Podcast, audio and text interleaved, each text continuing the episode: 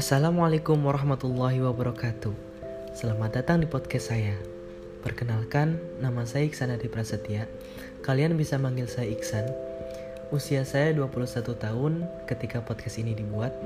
Uh, Saya berasal dari Purbalingga, Jawa Tengah. Ke depannya, podcast ini akan berisi tentang musikalisasi puisi dan mungkin ada beberapa pemikiran-pemikiran saya yang akan saya tuangkan lewat podcast ini.